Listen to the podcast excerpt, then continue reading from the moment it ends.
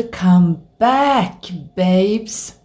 Vad kul att du lyssnar idag. Jag kör rätt hårt nu med avsnitten här därför att jag ligger lite back och idag tänkte jag vi skulle prata om Master Teacher 22 eller Master Teacher 22.4 som det korrekt egentligen heter.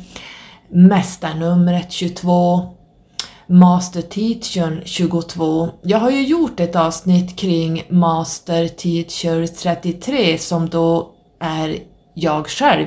Så jag kan ju den på mina fem fingrar. Jag skulle kunna prata i tio avsnitt om 33an som inte kom med men eh, jag tänker att vi kör det viktigaste i varje avsnitt kring masternumren.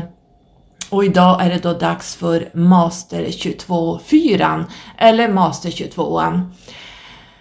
Nu kanske jag började i fel ände. Jag skulle egentligen ha börjat med Mästarelvan, eh, Master Teacher 11 och så sen gått in 22an och sist 33an. Så nu blir det baklänges. Jag vet inte varför jag gjorde så, men det blev så. Det blev ett infall att jag skulle prata om 33an och det gjorde jag i och med att jag kan den på mina fem fingrar som jag brukar säga. Ehm, så jag tänker att vi kör igång, men innan vi gör det så ska vi prata lite grann, egentligen fyra punkter som, vi, som jag vill ta upp för att man ska dra åt sig öronen när det gäller Numerologin. Så jag tänker vi kör igång där med de här fyra sakerna innan vi går in på Mästa 22. Häng med!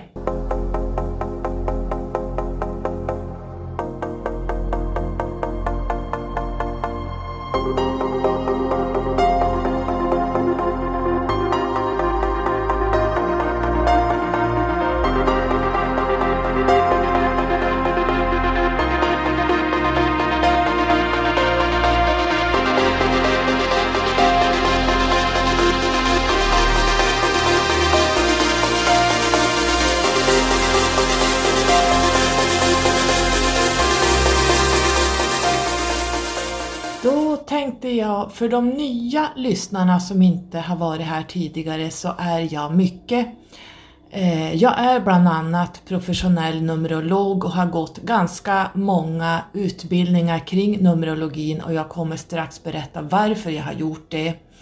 Jag är även en, en starseed eller en galaktiker. Jag tror jag kommer att sluta använda starseed för att det är så pass missbrukat och felinformerat eh, idag. Ni kanske har läst mitt blogginlägg eh, som jag gjorde igår kring Starseeds. Det är helt galet där ute vad man säger att Starseeds är, att det beror på att man är en Starseed och man har vissa grader i sitt horoskop eller att det står i alignment med vissa portalsöppningar så är man helt plötsligt en Plejad eller en Sirian eller en Arcturian det är så galet där ute så jag känner jag kommer snart att kliva av från det här just för att det är så missbrukat och jag, jag har inte orken att slåss mot alla fel information bland personer som tror sig kunna och veta saker och ting som de inte har någon aning om.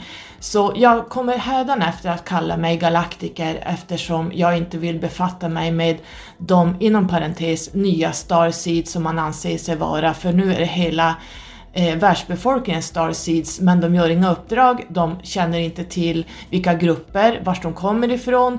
De söker och söker och söker och letar och det gör man inte om man är en äkta Starseed, då vet man. Man vet vart man kommer ifrån, man har kontakt med sina grupper. Ens grupper letar upp dig och inte du dem. Så att eh, ni kan läsa om det blogginlägget jag gjorde igår kring Starseeds. Eh, jag har tappat sugen att prata om Starseeds och uppdragen i och med att det har blivit så här i det kollektiva mainstream. Så eh, jag vill bara säga det att jag kommer från Sirius A, nionde dimensionen, ni som inte vet. Sen är jag en reiki-healer, både fysisk och distans. Jag har gått både den västerländska och eh, den japanska ursprungsreikin då. Och jag föredrar ju då den japanska före den västerländska, men jag har båda två. Jag jobbar även eh, galaktiskt, eh, intergalaktiskt, som ett intergalaktiskt medium kan man säga, galaktiskt medium. Jag jobbar inte från den fjärde dimensionen, astralplanet, med det lilla klustret som kallas andra sidan, utan jag jobbar högt upp från de högre dimensionerna och många gånger tar jag ner kanaliseringar från min Sirian-grupp på nionde dimensionen. Ibland jobbar jag med eh, The Syrian High Conceal som oftast befinner sig på den sjätte dimensionen för att jobba lite mer med människan. Därför att ju längre ner de här civilisationerna eller dimensionerna befinner sig desto lättare är det att få att människan ska kunna snappa upp information. Framförallt de som inte är starseeds förstår lite lättare än till exempel att prata med de som kommer från nionde, tionde dimensionen och uppåt. Det blir väldigt svårt att ta ner informationen telepatiskt så att säga. Jag jobbar eh, lite grann med ayurvedan och den vediska astrologin. Jag jobbar mycket med skuggsidor hos folk. Eh, det är som det som är mitt mission, att få folk som sover, som inte ser de här fallgroparna, som inte är medvetna utan man bara följer strömmen och tror på allt som basuneras ut. Det är lite grann mitt uppdrag att eh, korrigera det här till vad som är rätt och riktigt. Och jag vill också säga det att ni kommer aldrig att höra mig prata om att jag är spirituell Eh, Eh, eftersom det är ett engelskt ord och eh, när jag hör människor säga spirituell så funderar jag alltid, är de spiritualister? Eller är de spirituella? Och eh, i Sverige använder vi ett ord som heter andlighet och andligt uppvaknande, det andliga, det är anden, det vill säga eh, våran själ och vårt högre jag, hur man nu ser anden som eh, spirituell det låter som spiritualist, så att det kan bli mycket missförstånd för att om jag hör någon säga att man är spirituell, då tänker jag direkt på att de är spiritualister. Och då är man liksom i det här, då jobbar man bara från fjärde dimensionen och man jobbar egentligen bara inom en fyrkant som man inte tar sig utanför utan man håller sig till de eh, budorden som spiritualismen eller spiritualisterna står för och jobbar med. Och det är en begränsning, jag har tagit upp det här tidigare men jag vill säga det, det är väldigt många som använder att man är spirituell. Och det är helt felaktigt för det är ett engelskt ord. Och när vi har svenskan andlighet, då ska vi använda svenskans andlighet så att det inte blir missförstånd att man är en spiritualist. Så eh, Ibland har engelskan, ibland finns det liksom inga svenska ord när vi pratar engelska eller tvärtom, men nu har vi ett färdigt ord för spirituell, det vill säga andlig, så jag vet inte vem som har kört, det är mycket yngre som pratar spirituell. Och det är precis samma sak som att vara andlig, så varför ska vi använda både andlighet och spirituell? Man är andlig och spirituell, ja men det är ju samma sak. Va, varför ska jag använda båda orden? Ta, ta din kraft och ställ dig på, ett, eh, på en ruta och stå för det.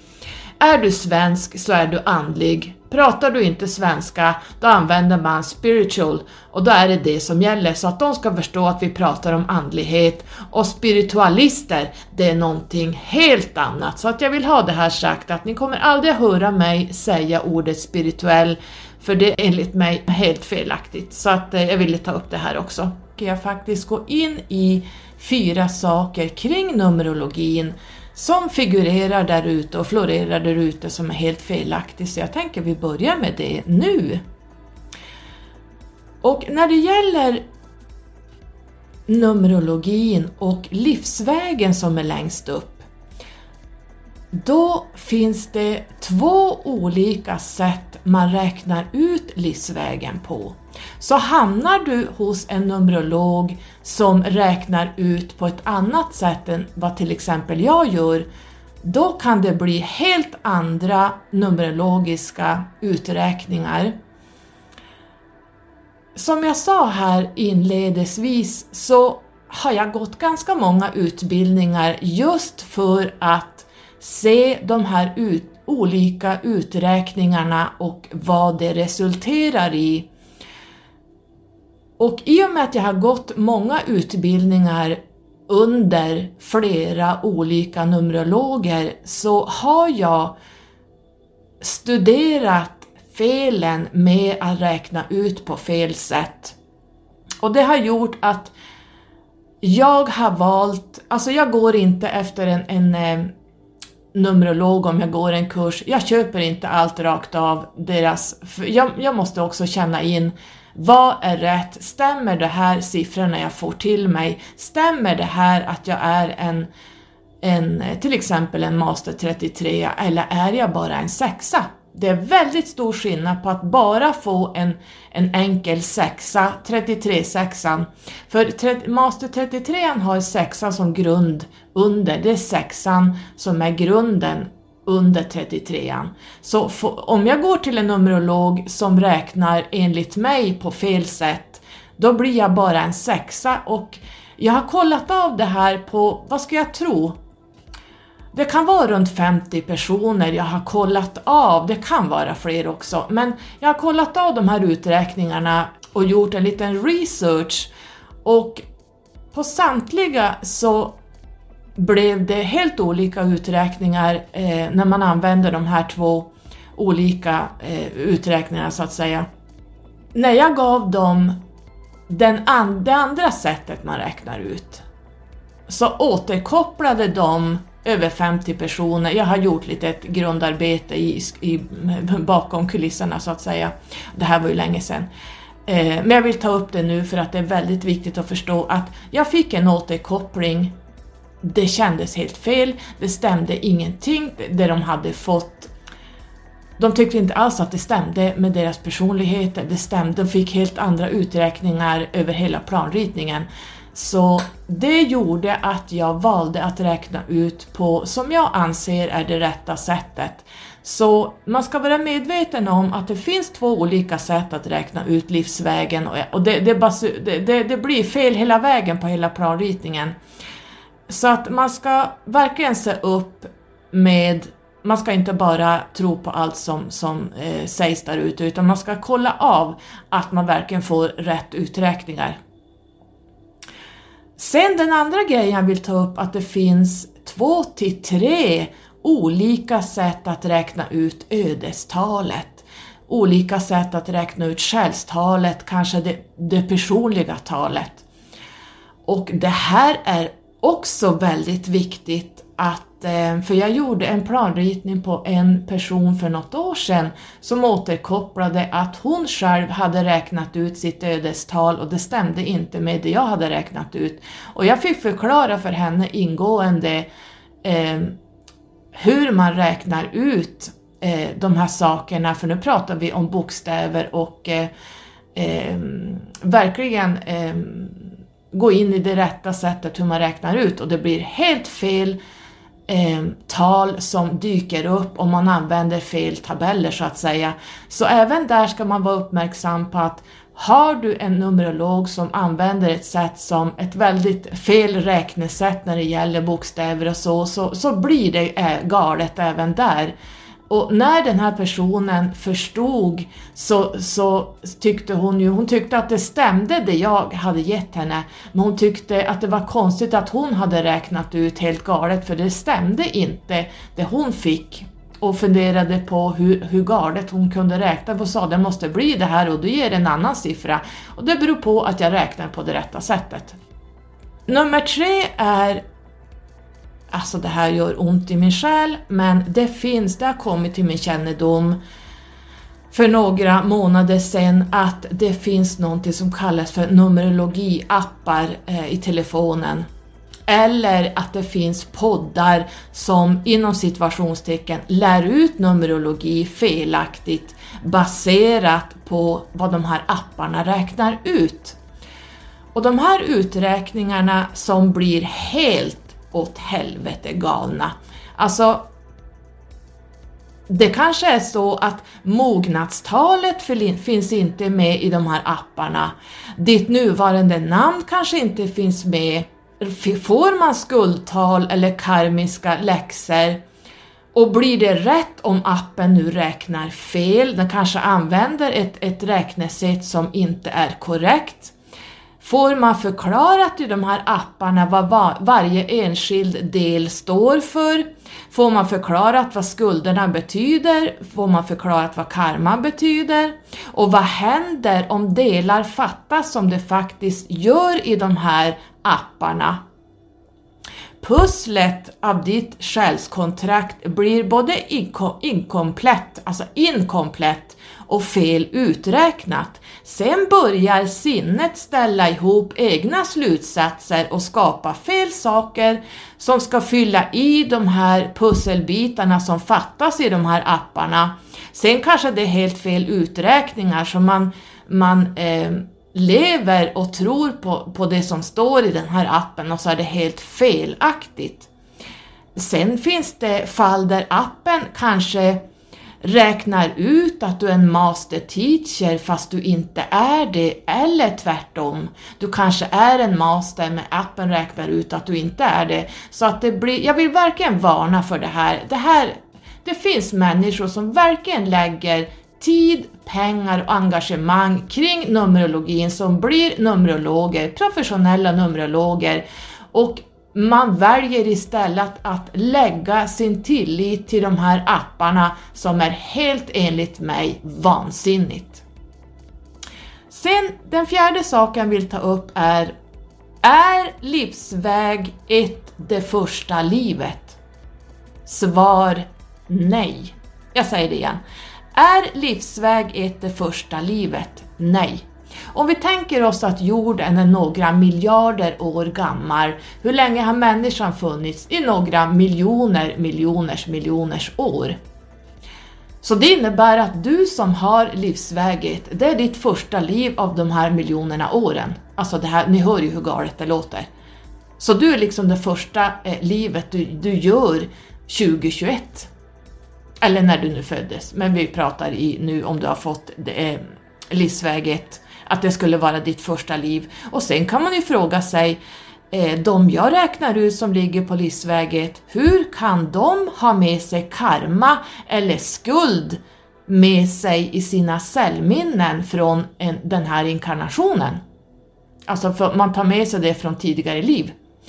Eh, om det här nu är första livet, då borde de vara nollad på allting. Då borde det stå liksom i, i den planritningen, om man tittar på alla nio delar, så borde det ju liksom vara där borde det vara startnummer över hela planritningen i och med att det är ditt första nummer så att man följer inte, man går inte ner i ett liv och sen går man nästa liv ner i, alltså i, livsväg två och så i tredje livet går man ner i livsväg tre. Det innebär att man bara har nio liv och sen ska man upp i masternumren 11, 22, 33. Det funkar inte så. Jag har hört eh, att det pratas om det här och jag blir gråhårig och jag får en hjärnblödning. Eh, det funkar inte alls på det sättet att vi följer de här livsvägarnas tal i... Det, det är att tänka, det är att tänka linjärt att vi har på en linjär linje. Vi pratar nu tidslinje, vi pratar olika inkarnationer, vi pratar om eh, att man går ner för vissa syften och vi pratar om att ibland får man göra om liv, det vill säga om eh, man, man har livsväg 9 och inte har lärt sig någonting, då kanske du måste börja om. Eller att man inte har lärt sig skulderna eller läxorna, då får du jobba med det här som motsvarar den livsvägen som stämmer överens med just de här karmiska läxorna. Så allt är eh, cykler och allt hänger ihop och det är ur ett högre perspektiv än den tredimensionella linjära tiden. Sen vill jag även säga att det finns endast Master Teachers 11, 22 och 33. De som påstår att det finns Master Teacher 24, eller 44, 55 och 66, det är helt felaktigt. Det finns bara 11, 22 och 33.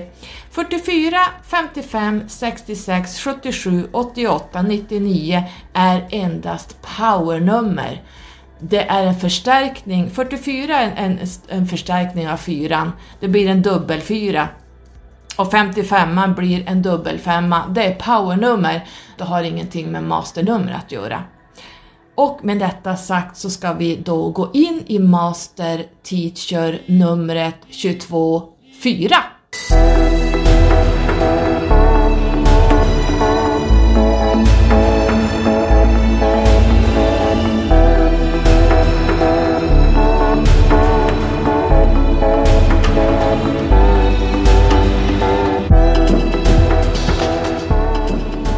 ska vi köra igång med master nummer 22, Master Teacher 22.4, eh, mästartalet 22 som kommer efter 11 så att säga, mitt mellan 11 och 33. Så alla ni som är Master Teacher 22 ska lyssna nu. Ni som eh, har barn eller föräldrar, släktingar och vänner, kanske en sambo som är mesta 22 er ska också ta till er och lyssna så kanske ni förstår de här själarna lite mer. Eh, jag brukar kalla mesta 22an för learning by doing. Det man kan säga rent generellt när det gäller mästartalen är att de ges endast till gamla själar som har utvecklats så pass mycket att man föreställer sig att klara den här höga energin i det här livet. Som jag sa tidigare, mästarnumren är endast 11, 22, 33. Det är en dubbel intensitet av lektionen i de dubbla numren och i det här fallet är det tvåorna. Du har två tvåor som står ihop så att det är en dubbel intensitet av tvåorna. Ett själskontrakt är skrivet innan man äntrar och går ner i det här livet. Du har en plan när du går ner att du ska klara av mesta 22an och du har gjort Mästarälvan, nu går du in i Mästar 22an. Hur många Mästarälvor du har gjort har jag ingen aning om, men jag kan titta lite grann på dina skulder, eh, hur du har betett dig i tidigare liv, så där kan man nästan se lite grann hur man har varit i tidigare liv och egentligen vad man måste bemästra då i Master 22-4. Mästarna har en massa cellminnen i sitt DNA som flyter omkring i din kropp så du minns erfarenheter från tidigare liv. Det är därför man kallar kanske till exempel barn lillgamla eller old souls, alltså gamla själar. Man är mer senior än övriga eh, livsvägar som har kanske 1 till 9. Sen ska man också komma ihåg att Mästa 22an har fyran under sig som en platå att stå på. Så fyran spelar väldigt stor roll i det här och jag kommer ta upp fyran lite grann längre fram där vi pratar. Så vi ska gå in lite grann på 22-fyrans lektioner.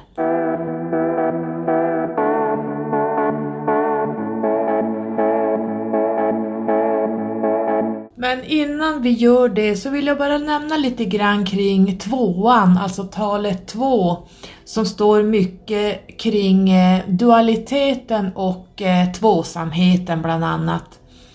Att jobba tillsammans med andra, att ha samarbeten.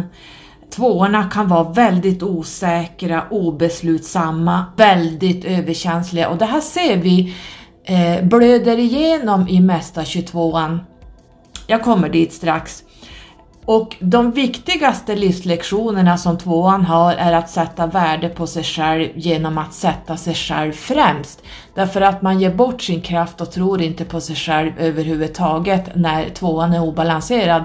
Så nu har ju mesta 22-4 har ju två tvåor bredvid varandra så att eh, eh, man kan säga att de här tvåorna blöder igenom när det blir obalanser, när eh, Mästa 22an inte står i sin fulla kraft men även har de fyra som trycker på hela tiden.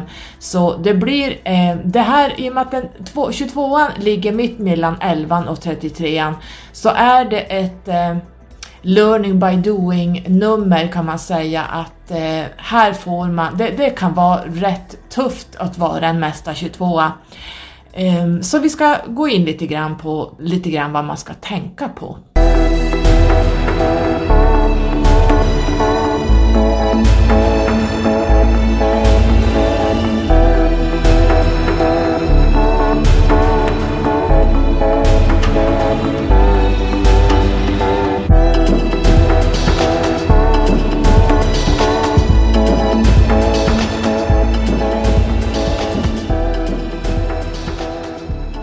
Mästa 22an handlar ju om att bemästra de här, som jag sa innan, dubbla tvåorna i 22an och balansera lite mellan de här tvåorna i den här tvåenergin som jag pratade om. Det är lite oro och det är nervöst och det är lite inte tro på sig själv och ge bort sin kraft till andra, inte tro att man duger och så vidare.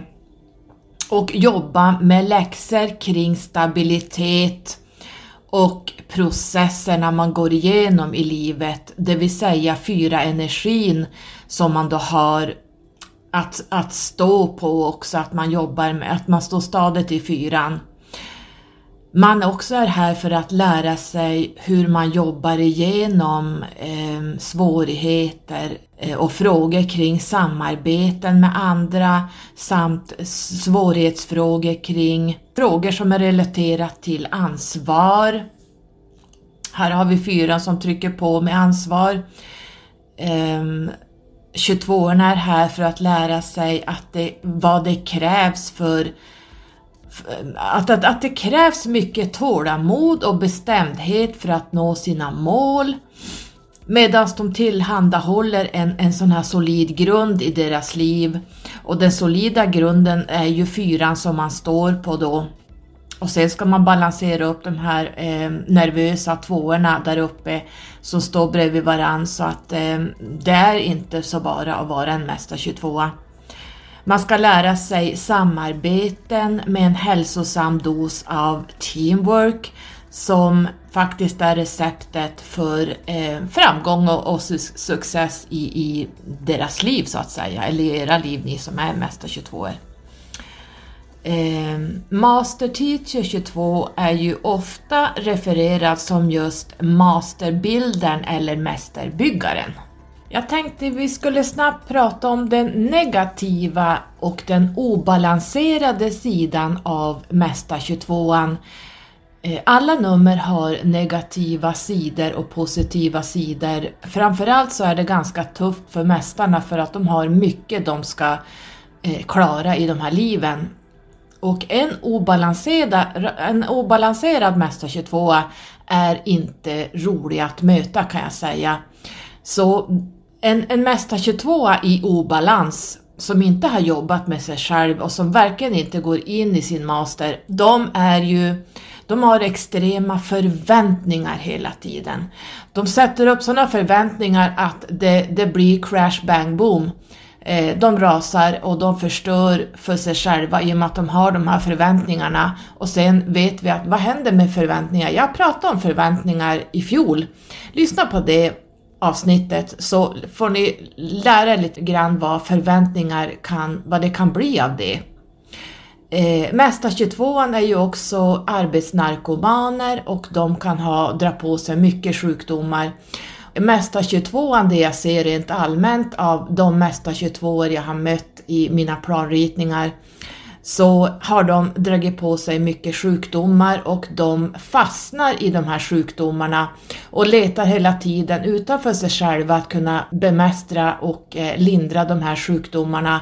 Man kanske använder sig av holistisk medicin, man använder sig av örter och det är helt okej, okay, men eh, man kanske, kanske inte använder sig så mycket av det, man kanske till och med börjar eh, använda mediciner, alltså mediciner som är tillverkade för sjukdomar, alltså inte holistiskt sett, utan man kanske jagar värktabletter, man kanske jagar eh, nässprayer och man, man jagar lugnande mediciner och allt vad det kan vara. Man kanske sitter och dricker och hålar i sig vin för att kunna släppna av.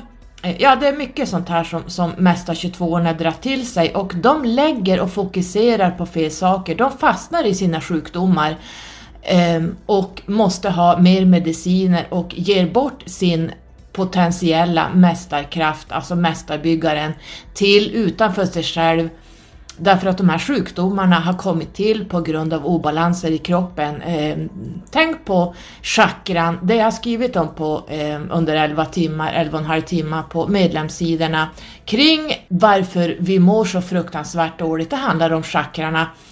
Även ayurvedan, eh, djupdyker i ayurvedan så hittar du felet där och börja inte leta en massa mediciner, läkemedel som ska lindra dina symptom. Det här är ju helt vansinnigt och jag ser att det är många Mästa 22 som pysslar med det här och gärna pratar om sina sjukdomar. De blir någon form av eh, eh, offerkofter, de blir martyrer i sina sjukdomar för att det ger dem feedback eh, för att eh, det blir fel.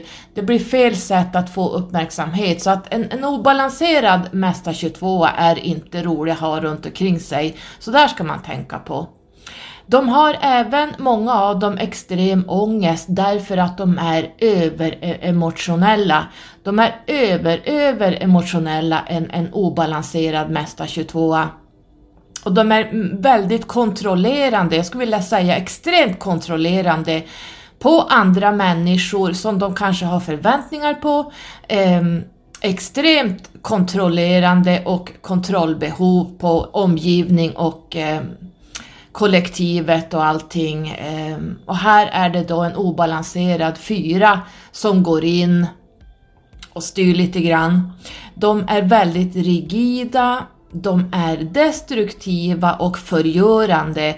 Många av de här mest, inte många, men det finns någon som har lite narcissistiska egenskaper, att de är väldigt destruktiva och förgörande. Och förgörande är att man kanske både förgör för sig själv och för andra. De är som jag sa översensitiva, väldigt emotionella, de har ett enormt ego, de är lite lata och slösar bort sina enorma talanger som de sitter på. De är oroliga och oroande, de är medberoende och är enormt manipulerande. Så det här är ju den dåliga negativa sidan av Mästa22an där det är obalanser som man måste gå in och börja jobba med när man får en planritning från mig så, så skriver jag eh, vad man behöver jobba med när man hamnar i de här obalanserna. Det positiva med en stark Mästa 22 som är i balans, som står i sin kraft, som har jobbat bort allt det jag rabblade upp här, de är sociala byggare. De är här för att förändra världen. De når sina mål, och de är influencers. De är kraftfulla manifestors kan man säga. De manifesterar det de tänker och eh, eh det, de har som mål så att säga. De är ärliga och de är pålitliga. De är även intuitiva och de är empatiska. De är stabila och fortfarande hårt arbetande men inte så att det blir destruktivt så att säga. De är även disciplinerade och de är säkra och trygga. De är balanserade och praktiska. Så att träffa en, en en Mästa 22 som, är, som står i sin kraft och, och har balans, det är wow, wow kan jag säga er.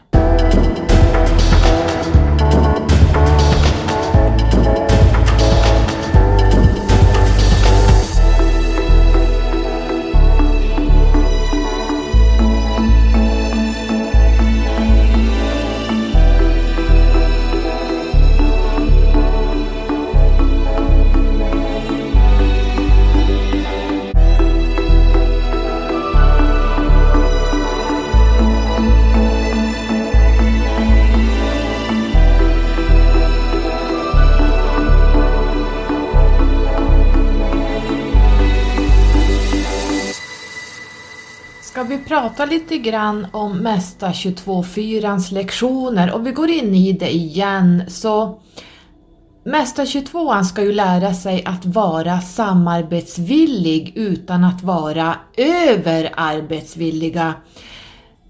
Jag skulle vilja säga att 22an handlar mer om balans än något annat, eh, något annat nummer överhuvudtaget. Här är det väldigt viktigt och jag tror det är svårt att ta sig till Mesta 33an därför att jag tror man får göra om väldigt många liv.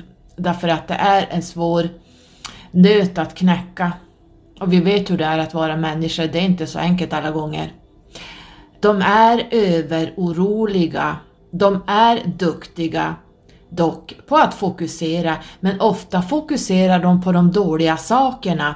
De kanske fokuserar på att nej men jag har inga pengar och jag har den här sjukdomen som jag nu eh, lägger fokus på. Jag kanske lägger ut min sjukdom och vill ha bekräftelse och vill verkligen visa att jag är sjuk och det är det som bromsar mig. Jag kan inte gå i min fulla kraft. Eh, man lägger allt fokus på den här sjukdomen och det här ger dem en orsak till att lägga ner masterteachens byggande, de projekten de har eh, där i bakhuvudet. Det blir en, en orsak att inte fortsätta. Men du ska komma ihåg då att du innan du gick ner skrev ett kontrakt att klara av de här sakerna. Fokusera inte på de här 15 plankorna du har för att bygga det här lilla eh, utehuset för det går inte, jag har bara 15 plankor, jag tar mig ingenstans. Nej, jag har kört, jag har inga pengar att köpa för, eh, bla bla bla, jag är så sjuk, jag orkar inte göra det och det. Utan fokusera på de här plankorna som du har och tänk vad du kan göra med de här plankorna här och nu och ta det sen därifrån för det löser sig efter vägen. Men våga stå i din kraft och, och liksom ta små steg framåt att börja och så får vi se vart det hamnar. Och det vill jag säga att lär dig ta steg för steg utan genvägar. Kom ihåg att dina misstag som du gör och de felsteg du gör är läxorna som Mästa 22an har med sig. Och de är super för att du ska utvecklas och det här gäller faktiskt alla nummer i din själsliga planritning av alla de här nio delarna.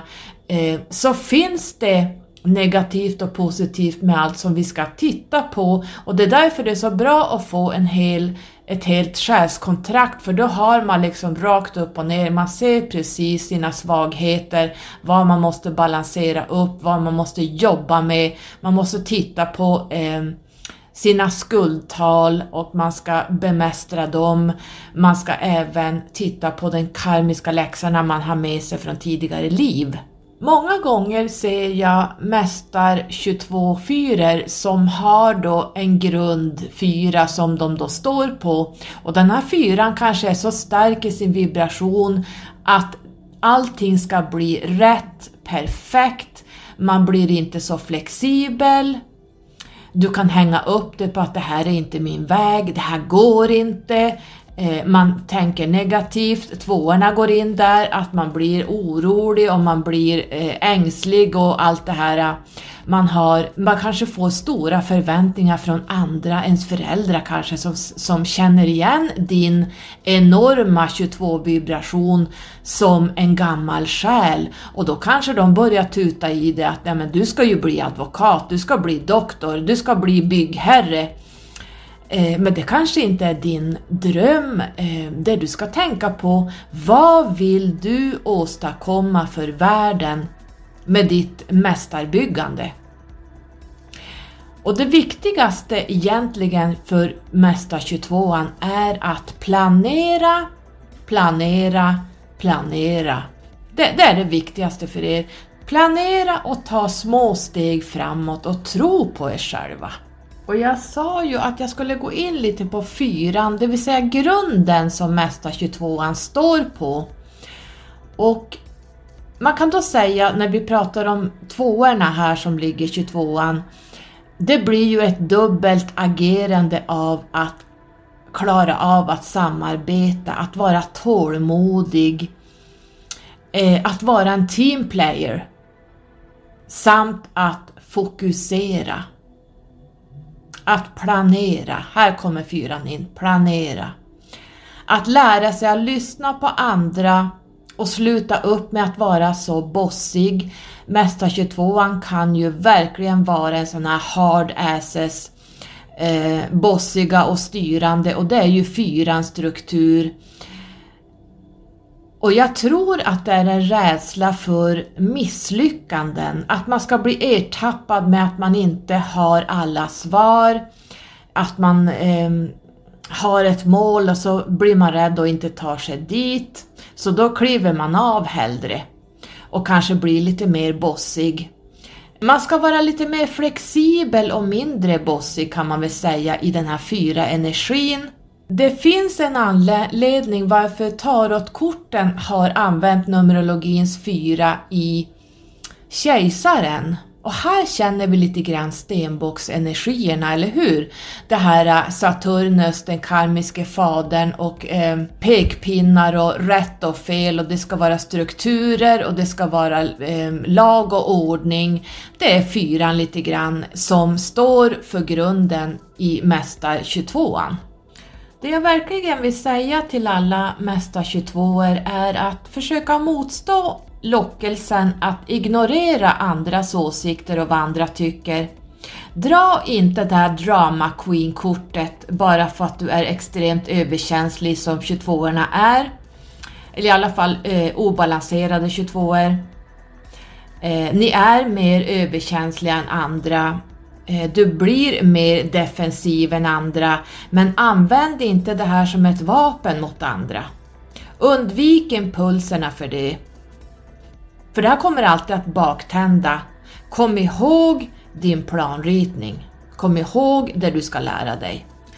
Så lite tips kring det jag har sagt här nu om de negativa sidorna är att jag tycker du ska vara din bästa vän genom att omfamna de positiva sidorna av dig. Därför att fyrans energi kan verkligen få dig att leva ur, alltså leva ur en, en halvfull kopp eller ett halvfullt glas. Eh, 22ans negativitet som de har om sig själva kan verkligen ställa till det. Att fokusera på det negativa, man fokuserar på sina sjukdomar och sina misstag och så blir det bara pannkaka av allting. Förbli öppen för feedback från dina vänner. Försök att vara flexibel och tänka igenom innan du svarar eh, destruktivt eller styrande, kontrollerande, my way or the highway, utan försök att vara öppen för feedback. Du kan gärna ta in yogan i din dagliga rutin som faktiskt fokuserar på att vara flexibel i din kropp och din ande. Så yogan är väldigt bra att, att som 22orna verkligen om något nummer ska sätta sig just för att de är lite ängsliga och inte tror på sig själva.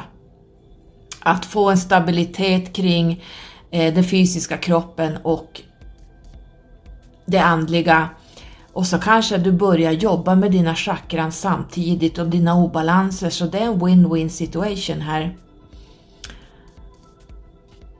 Kolla av dagligen inom vilka områden du blockerar de här förändringarna. Ett nytt jobb eller att flytta eller starta ett nytt projekt. Det kan ju vara egentligen vad som helst.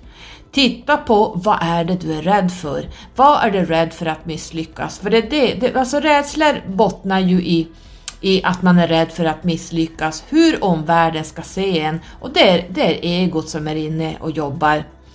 Titta på dina aggressioner, för aggressioner är rädsla och rädslor är aggressioner. Jag brukar säga som så att jag har ju haft uppfödning på dobermann i 16 år. Jag har badat och levt i den här rasen.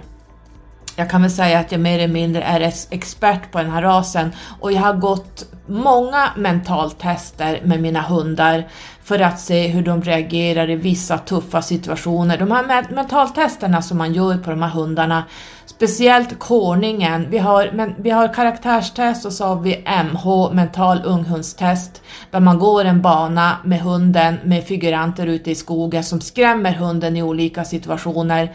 Och sen när hunden är två, två och ett halvt år, då gör man ett test som är, kallas för korning. Och korningen är det absolut tuffaste testet en hund kan genomgå och det är endast i Sverige den utförs.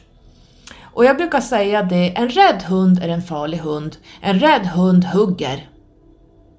En trygg hund bryr sig inte. Så där, där kan man även se att aggressioner är rädslor. Det är bara att titta på hur djuren fungerar. Gör en plan för ditt liv.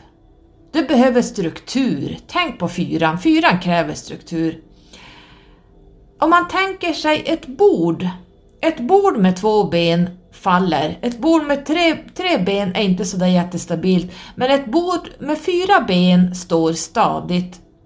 Du måste ha något tryggt att stå på. Planera, sätt upp lappar, eh, mindboards eh, på kylskåpet, gör to-do-listor men planera inte 50 år framåt utan planera stegvis med korta små steg, eh, snigelsteg framåt. Fokusera på vad du har åstadkommit snarare än det som du inte har åstadkommit. Sätt upp realistiska mål för dig själv.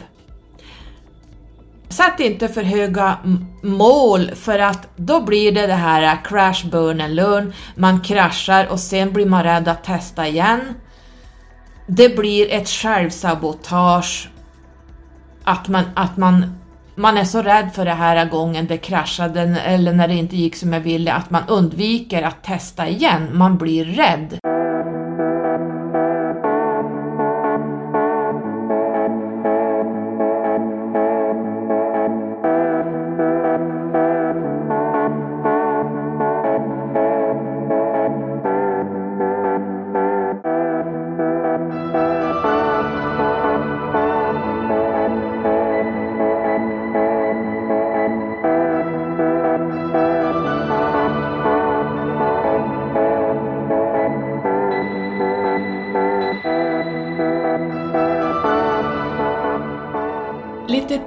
Som du ska fråga dig själv som Mästa 22. Är dina beslut baserade på vad som är bra för dig eller vad du förväntas att göra, till exempel från dina föräldrar? Känns det bra det du gör för andra eller känner du dig förbittrad? Bromsar du dig själv för att sätta mål på grund av rädslor eller misslyckanden? Vilka metoder har du korrigerat samt satt på plats för att stärka din framgång? För 22-4 är ju experter på att skylla på andra, det vill säga de projicerar ut på andra, kanske till och med hela världen för saker som har hänt dem. Det finns nämligen ingen som, är, en, som är mer kapabel till success än 22-4 som är i balans. Så du förstår vad du besitter om du verkligen börjar jobba med dig själv. Var någonstans stoppar eller blockerar du förändringarna i ditt liv? Vem jämför du dig med? 22orna jämför sig ofta med eller mot andra, de står inte i sin kraft. Påminn dig om att du har den här kapaciteten, jag kan inte säga det nog många gånger. Du har gått ner som en Mästa 22 i det här kontraktet, så varför tror du inte på dig själv? Ta små baby steps och planera och sätt mål. Jag kan säga att det tar lång tid för alla masternummer att mogna och speciellt för den nervösa, oroliga 22an som inte tror på sig själv och skyller på andra för saker som händer dem. Och de ser inte det här som läxor och lärdomar utan många vill ha ett certifikat, ett diplom eller en master degree innan de kan börja tro på sina förmågor. De ska vara i målet innan de ens börjar tro på sig själv. Eh, men kom ihåg att det är resan som räknas. Minns att varje morgon när du sätter ner fötterna börjar dina uppdrag. Inte när du har de här certifikaten eller de här master degrees eller diplomen, när kurserna är klara, när du har tagit körkortet. Du är här för att förändra världen, inte för att skylla på andra för det du har blivit utsatt för. Det du är utsatt för beror endast på dig själv. Det du också ska tänka på med din grundfyra är att Are you wearing a victim t-shirt? Alltså, bär du en, ett offer, en, en, ett namn på din tröja, på din t-shirt där det står offer? För det handlar om fyrans energi och den relaterar egentligen till när man räknar ut och får kanske 31,4 eller en 13,4 som för övrigt är ett skuldtal. Så har jag en livsväg där någon blir en 4 och så ser jag att det blir en, en 13,4, ja då ser man att det här bär ju skuld, enorm skuld som man måste jobba med redan uppe på livsvägen.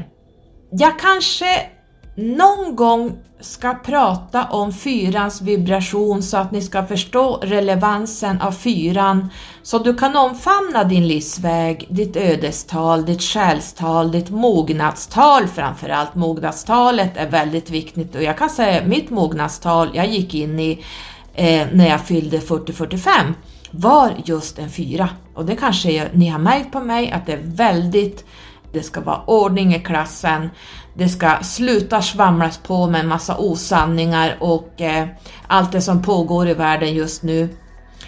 Och det finns en anledning till varför jag har valt att ta in fyran när jag når en mogen ålder. Det är för att jag ska jobba med det här kollektivt. Och efter mognadstalen, som är väldigt viktigt att förstå, så har vi även personlighetstalet där man egentligen kan tänka sig ascendanten i sitt horoskop och så vidare. Istället för att du ska bära fyran som en börda.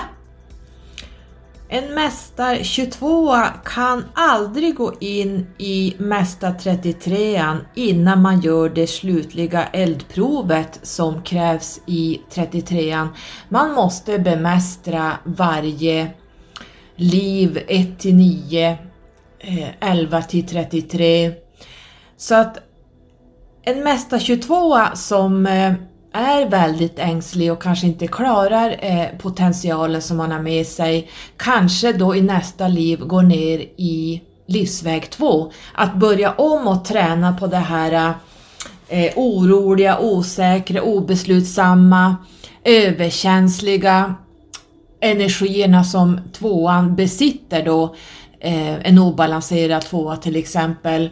Och det kanske tar några liv att klara av den och sen kanske man utöver det, i och med att 22an har fyran som grund, så kanske man gör några liv i fyran, livsväg 4 för att bemästra det. Sen kanske man går tillbaka till 22an och testar igen efter 15 liv, det vet man aldrig hur länge det tar. Och det är därför det, det, kallas för det här det karmiska hjulet, att det går bara runt, runt, runt, runt. Det är därför vi i princip aldrig blir klara. Um, så det är inte att man går och gör alltså livsväg 1, livsväg 2, livsväg 3 efter varann utan man hoppar fram och tillbaka där man har karman, där man inte, där, speciellt de här eh, Mästar 11, 22, 33 har alltid en grund att stå på. Mästar 11 står på tvåan och Mästar 22 står på fyran och eh, Mästar 33 står på sexan. Och Mästarelvan har ju två ettor. Och ettorna är ju ledarna. Eh, om man vill veta vilket nummer som är ledaren, då är det nummer ett som är ledaren. Det finns inget annat nummer som är mer en ledare än ettorna. Så då måste Mästarälvan, som också jag ska prata om, de är också lite nervösa och lite sådär eh, när de är obalanserade. Jag ska prata om älvan en annan gång. Eh, de kanske behöver gå in eh, i livsväg 1 för att stärka upp ettan för att de ska verkligen stå i sin fulla kraft i masterälvan. Så det är inte så bara titta på de här apparna där man inte förstår vad det betyder. Så det finns en enorm potential, det finns mycket som döljer sig under varje del jag räknar ut. Eh, I alla de här nio delarna, i de karmiska läxorna, i skulden man har med sig. Det finns så mycket information om varje individ så att det är helt amazing. Men som sagt var, jag rekommenderar inte att sitta i de här apparna eller att eh, få numerologiska planritningar där man använder helt fel uträkningar som jag ser det. Jag kan bara säga vad jag tycker i och med att jag har suttit med det här x antal tusen timmar. Vi pratar inte hundratals timmar, vi pratar tusentals timmar jag har suttit med numerologin. Så är man inte professionell numerolog eh, som har jobbat med det här hundratals, tusentals timmar så ska man kanske inte sitta och eh, lära ut det i poddar och eh, på andra ställen. Eh, samma gäller Starseeds, vad det är för någonting, samma där.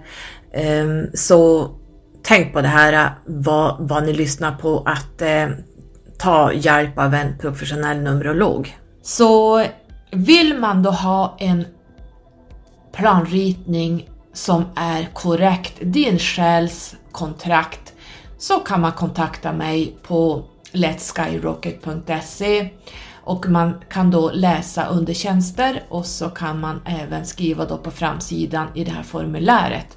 För jag vill ha lite uppgifter av dig innan jag börjar med din med ditt själskontrakt så att säga och det här själskontraktet räcker livet ut.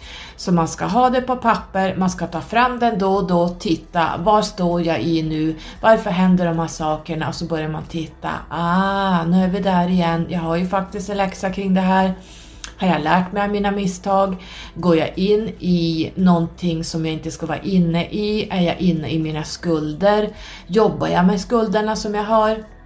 Jobbar jag med att balansera upp varje del med planritning?